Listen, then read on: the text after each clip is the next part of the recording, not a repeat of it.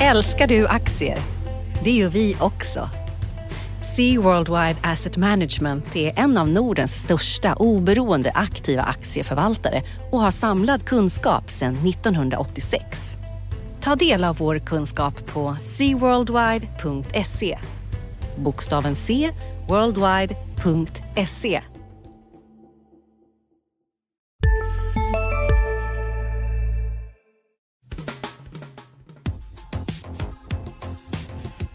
Analyspodden från Dagens Industri.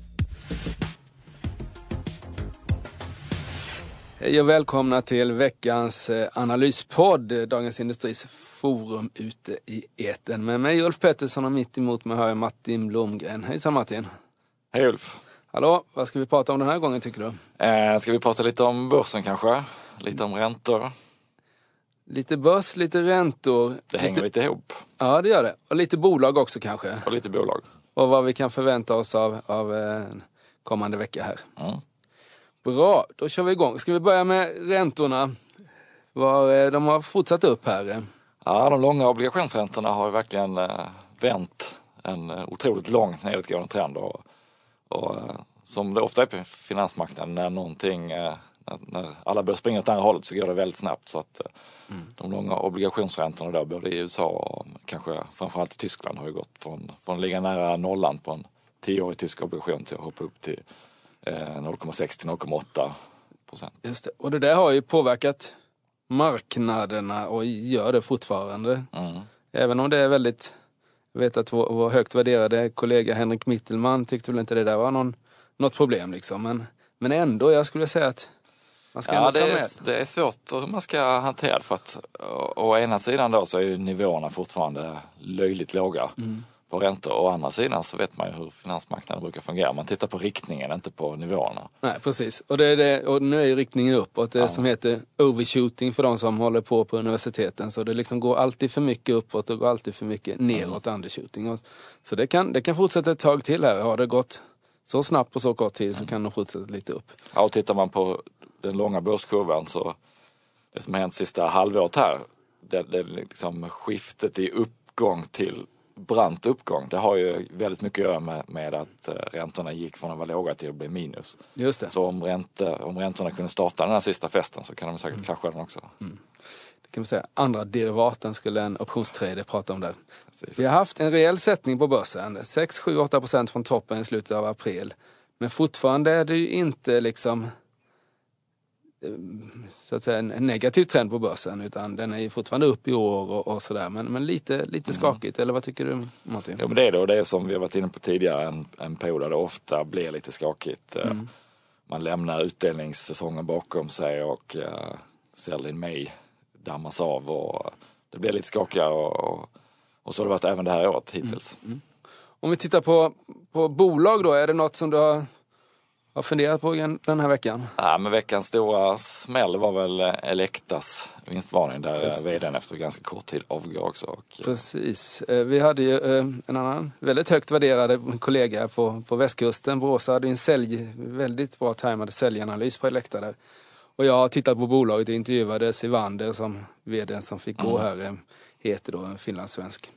Eh, Kommer från Nokia bland annat och Alcatel och sånt där. Han kanske kommer tillbaks dit vad som lider för han ska inte vara kvar på Elekta i alla fall. Eh, Det är ganska spännande. De har kommit med en tre, fyra svaga rapporter men så har de ändå hållit fast vid sin prognos och till slut så liksom blev det för mycket Ja. detta sista kvartal som skulle fixas till då.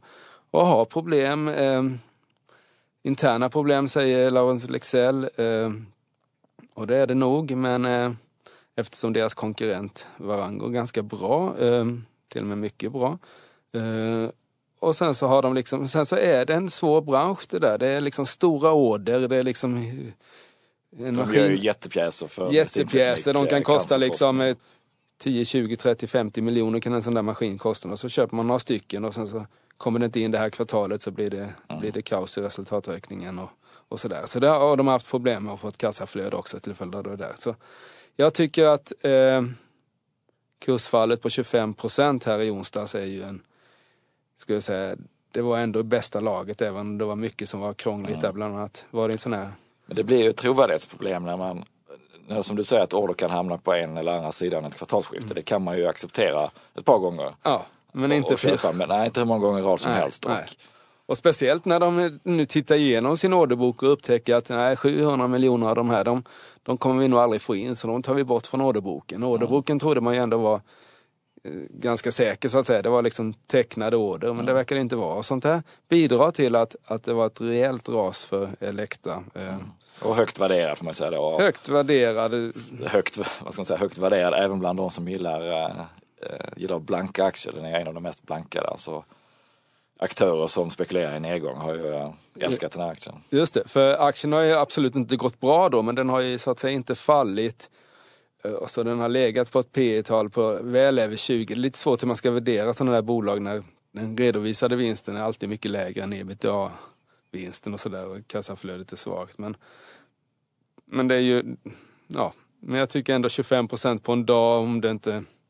Ja, Det är inte så att Sivander tog pengarna med sig till Finland eller så utan de... Nej, och samtidigt är de ju ett av de bolag som ofta lyfts fram som kan bli långsiktiga vinnare på utvecklingen i Kina där det går mer mot konsumtion och där eh, man får de väst, västliga problemen och eh, ska lösa dem i sjukvården. Ja precis, och liksom avancerad sjukdom, de får ju pengar så de kan ha råd att köpa sådana maskiner också. Sen så är det ju, har de ju mycket stor verksamhet i USA så de är ju egentligen en stor dollarvinnare också. Även om man inte har sett mycket av det hittills då. Mm. Så eh, lite överdriven, eh, osäkerheten är hög för, kring Elekta men eh, 25 procent är väldigt stort fall på, Mm. på en rapport. Tycker jag. Eh, mer då, du har tittat på Hexagon som ett som tillhör Ja, vinnarna. på andra, andra skalan av trovärdighetsspektrat får man säga. Eh, Ola Wallén som är VD är, är ju tveklöst en av börsens stora stjärnor. Han har varit där i, vad är det, 15, 15, år, 15 ganska år nu. precis, Mm. sen han tog över. Då var det ju ett eh, verkstadskonglomerat som Melker Schörling hade köpt. Mm. Som ingen ville ta i metong. Men eh, det har ju ändrats väldigt mycket sedan dess. Och eh, min poäng, jag landade trots allt i en köprekommendation i den här analysen. Och är vad- att förändringen kan fortsätta ganska långt till. Du är inte orolig för att han ska sluta då? Han, han framstår som ung med sin skateboardintresse och sådär. Men, men ändå, han har liksom sålt en del aktier och han har startat är ett absolut, det är investmentbolag. ju och, en, eh, en För det- sak som man, för det skulle jag nog göra en 10-15% procent på kursen om han säger upp sig här i nästa vecka. ja om det räcker. Fem, ja, Ja, fem. nej, men han, han sålde ju halva sitt innehav i, eh, tidigare i år och ska starta en egen eh, investmentlåda bredvid. Mm. Och det, då får ju varningssignalerna att ringa ordentligt. Mm. Men samtidigt så, eh, så säger han då att han ska, gärna vill vara kvar i fem år till och, eh, och det här var kanske ett sätt för Melker Schörling, ordföranden, att ändå behålla honom. Mm. Att låta honom ha den här lilla lekstugan bredvid. Men eh, i gengäld så stannar du kvar och ger, fortsätter ge järnet på Hexagon. Men mm, det, det, är ingen, det är svårt att tolka det positivt. Att, Men, det, men ändå är det ett sånt pass kvalitetsbolag att, att det köper ett. Ja, dels är det kvalitet och dels har de uppfyllt sina mål ganska ofta tidigare. Då. De sätter upp eh, långsiktiga mål som de uppnår, sen sätter de upp nya som de springer mot. Nu är det ungefär hälften mjukvara, hälften hårdvara. Och mjukvara är mycket b- bättre bruttomarginaler på. Det. Och det ser ut som att de kan ta den delen väldigt mycket högre. Hårdvarudelarna, är- de håller på med mätteknik då. Hårdvarudelarna har varit väldigt viktiga att de är, att de är, är bra, att de har dem i egen regi. Men i takt med att de kan med algoritmer och sådär styra om eh, på mjukvarusidan så kan de kanske outsourca tillverkningen av hårdvaran och eh, lyfta bruttomarginalen ännu mer och bli, eh, bli ett mjukvarubolag som kan värderas på ett annat sätt också. Så Just att om man är långsiktig så eh, tror jag man ska åka vidare.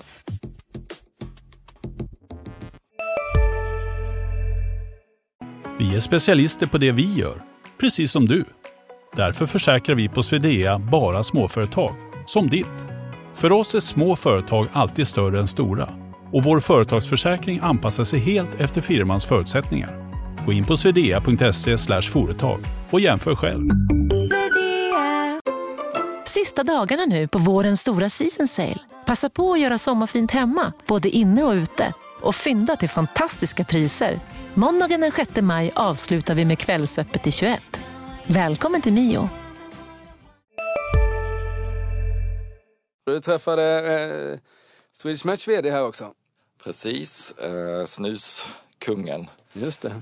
Eh, vad ska man säga om det? Det är också en, en aktie som har gått bra på lång sikt. De har ju ett fantastiskt kassaflöde och även om det är mycket fokus alltid på att snus marginalen eh, pressas så att de tappar marknadsandelar i Skandinavien så, så är det ju en jättelönsam verksamhet och kan man växa och ha drygt 40 procents rörelsemarginal på en verksamhet så, så är det Så bra. blir ja. ja, precis. Och han, de är ju de som har återköpt absolut mest aktier också sen det blev tillåtet tidigt 90-tal här. Det, är inte, det är inte mycket aktier kvar. Eh, eh, de har återköpt betydligt mer än hälften av aktierna. Här. Ja, och de har ju fantastiska kassaflöden. Ja. Så att, äh, det mest intressanta där kanske var att äh, det här delägda STG, Scandinavian Tobacco Group, som de har äh, försiktigt sagt att de kanske kommer börsnotera. Just det. Att det lät ju inte alls på honom som att Stockholm äh, fanns på kartan där, utan Nej. Köpenhamn är nog det hetaste alternativet. Där ligger då handrullade cigarrer och Då får Ja, hoppas att det hinner inte är Carnegie som sätter det på börsen så det blir en ny Ove Bunker här. Men det kanske inte, det kanske inte är olja de håller på med. Nej, han, han nämnde inte Carnegie men vi får väl se. Ja. Bra. Eh, ja, jag har tittat lite på forskningsbolagen här i, i, veckan också. Det är sånt där som går upp och ner som om det, Mm. ja, jag vet inte vad man ska jämföra det med. Studsboll räcker inte. Eh, Elekta kanske. Elektra kanske, precis. Eh, och där har vi bud då som sägs vara på gång här på Sobi. Eh, vi får väl se. Forskningsbolag kanske man kan köpa om man tycker eh, hög risk är kul och sådär men, men eh, de mindre framförallt, de har ju egentligen aldrig blivit något. Det finns ju några succébolag då. Sobi får ju tillhöra det nu då som har, har ett börsvärde på 35 miljarder här och Meda som inte är så mycket forskning utan mer köp av befintliga läkemedel har ju också varit en succé. Annars är det inte så mycket med den där sektorn. Nej, det är en svår bransch. Man måste vara medveten om att det är väldigt hög risk och att Ja, det är och det är ju- svårt att sätta sig in i. Som, Och det är förment att som, som stackars ekonomijournalist här försöka ha liksom någon slags åsikt om, om forskningen, liksom, när det till och med kan fallera liksom, efter att ha haft positiva. Så ska man, rådet där är ju att, att köpa lite i många bolag och i ganska sen fas. För i fas 1 idag då, det är knappt något värde alls i det där. För det kan, det kan du och jag hitta på ett preparat som går in i fas 1 så att säga. Men, men eh, sen forskning och sprid riskerna är, är, är kontentan av det där. eller välj bort helt. Eller väl bort helt. Men jag vet inte. eh, En gång i tiden drev jag Börsveckan och då var det Björn Davigård som ägde den och då sa han Läkemedelsbolag ska man värdera högt av altruistiska skäl. Han tyckte liksom det är viktigt att vi placerar pengar i goda verksamheter. Så han, han tyckte absolut man skulle ha pengar i sånt där även om man förlorade på det. Men jag vet inte, det får ni själva där ute avgöra. Nästa vecka var eh, Ja, det, rapportperioden är ju i princip över så det är inte lika bolagstungt.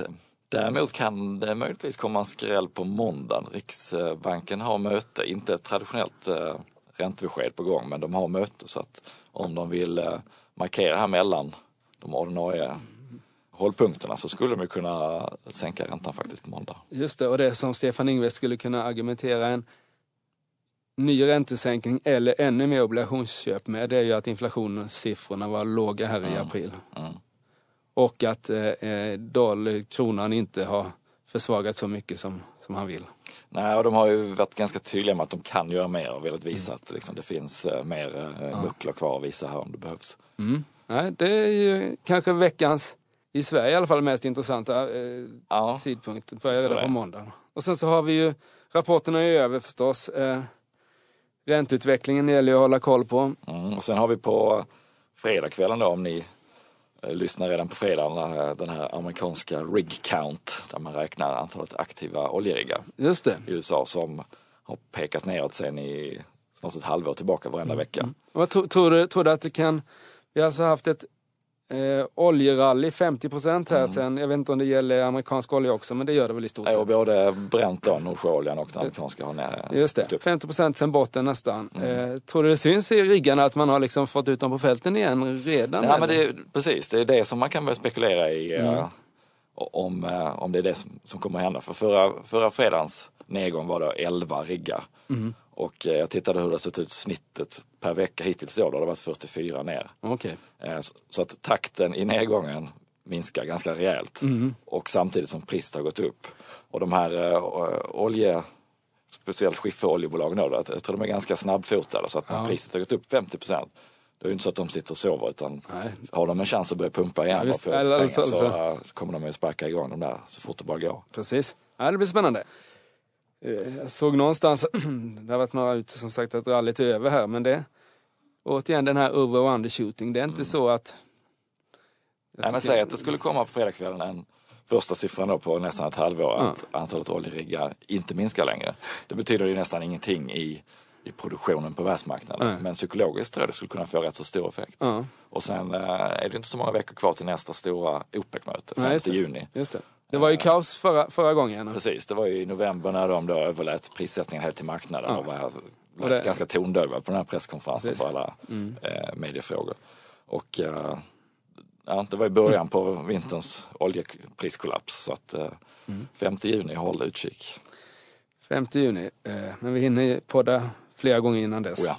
Bra. Och så har vi ju Grekland då. Vi får väl se här. Nu lyckades de ju pynta in, vad var det, 7 miljarder dollar eller med euro, vad är det väl man pratar med, med, grekerna om. Eh, I någon slags eh, lån, återbetalning här. Vi får väl se om det ska till nya pengar och nya pengar och nya pengar. Och, Ja, de verkar vara nere och leta i de mest eh, obskyra gömmorna nu för att hitta de sista. ja, de har väl en del gamla byggnader där det kanske finns gamla drachmer som man kan växla om. Vi får väl se eh, vad som händer. Men det där kan ju påverka. Det har påverkat marknaden en del. Det har inte, varit, det har inte gjort kaos på marknaden men, men lite grann har det påverkat under veckan här. Vi hade en rejäl sättning tidigare i veckan. Ja, nej, vi får se. Det, Grekland ska man hålla koll på. Räntorna ska man hålla koll på. Riggarna i USA ska man hålla koll på. Stefan Ingves vad han hittar på på måndag om han gör någonting ska man hålla koll på. Eh, Hexagon ska man köpa. Swedish Match ska notera sin del i Köpenhamn ja, och det, men det, och det är ju en del som de deläger då, den här, eh, Just det. så att det är inte den stora, utan det är ju framförallt snuset i Skandinavien kanske som, som styr Ja. eh, värderingen av Swedish Match. Och, Ja, det gör det. och där eh, tappar de ju då på lågprisdelen. Just det. Men, Och lågprisdelen växer så där måste de bli starkare om de ska kunna... men jag som är en av deras, deras bästa kunder. Visst, de tappar. Man ser liksom mängder av nya snusmärken som inte är Swedish Match. Men alla de här gör ju samma sak. Man minskar doserna. Det är inte... När jag började snusa för 100 år sedan så var det 50 gram snus i en dosa. Idag är det 12 gram kanske i snitt. Och eh, tobaksskatten räknas på kilo. Så skatten, även om man har höjt skatten så har ju skatteandelen per, per dosa gått ner till följd av vikten har minskat så. Det är ett sätt att hålla uppe marginalerna som, som de inte riktigt berättar om i sin reklam, om de nu hade fått göra reklam. Är vi klara eller har du något sista klokt råd till, till våra lyssnare? Nej, jag tror jag har tömt ut min visdom. Det var bra det. Men då får vi väl önska varandra en trevlig helg och sen så får vi se vad som händer i nästa vecka. Den lär bli lika intressant som denna som Mm. har varit. Tack för den här gången. Tack, tack. Hej. Hej. Analyspodden från Dagens Industri. Programmet redigerades av Umami Produktion. Ansvarig utgivare Peter Fellman.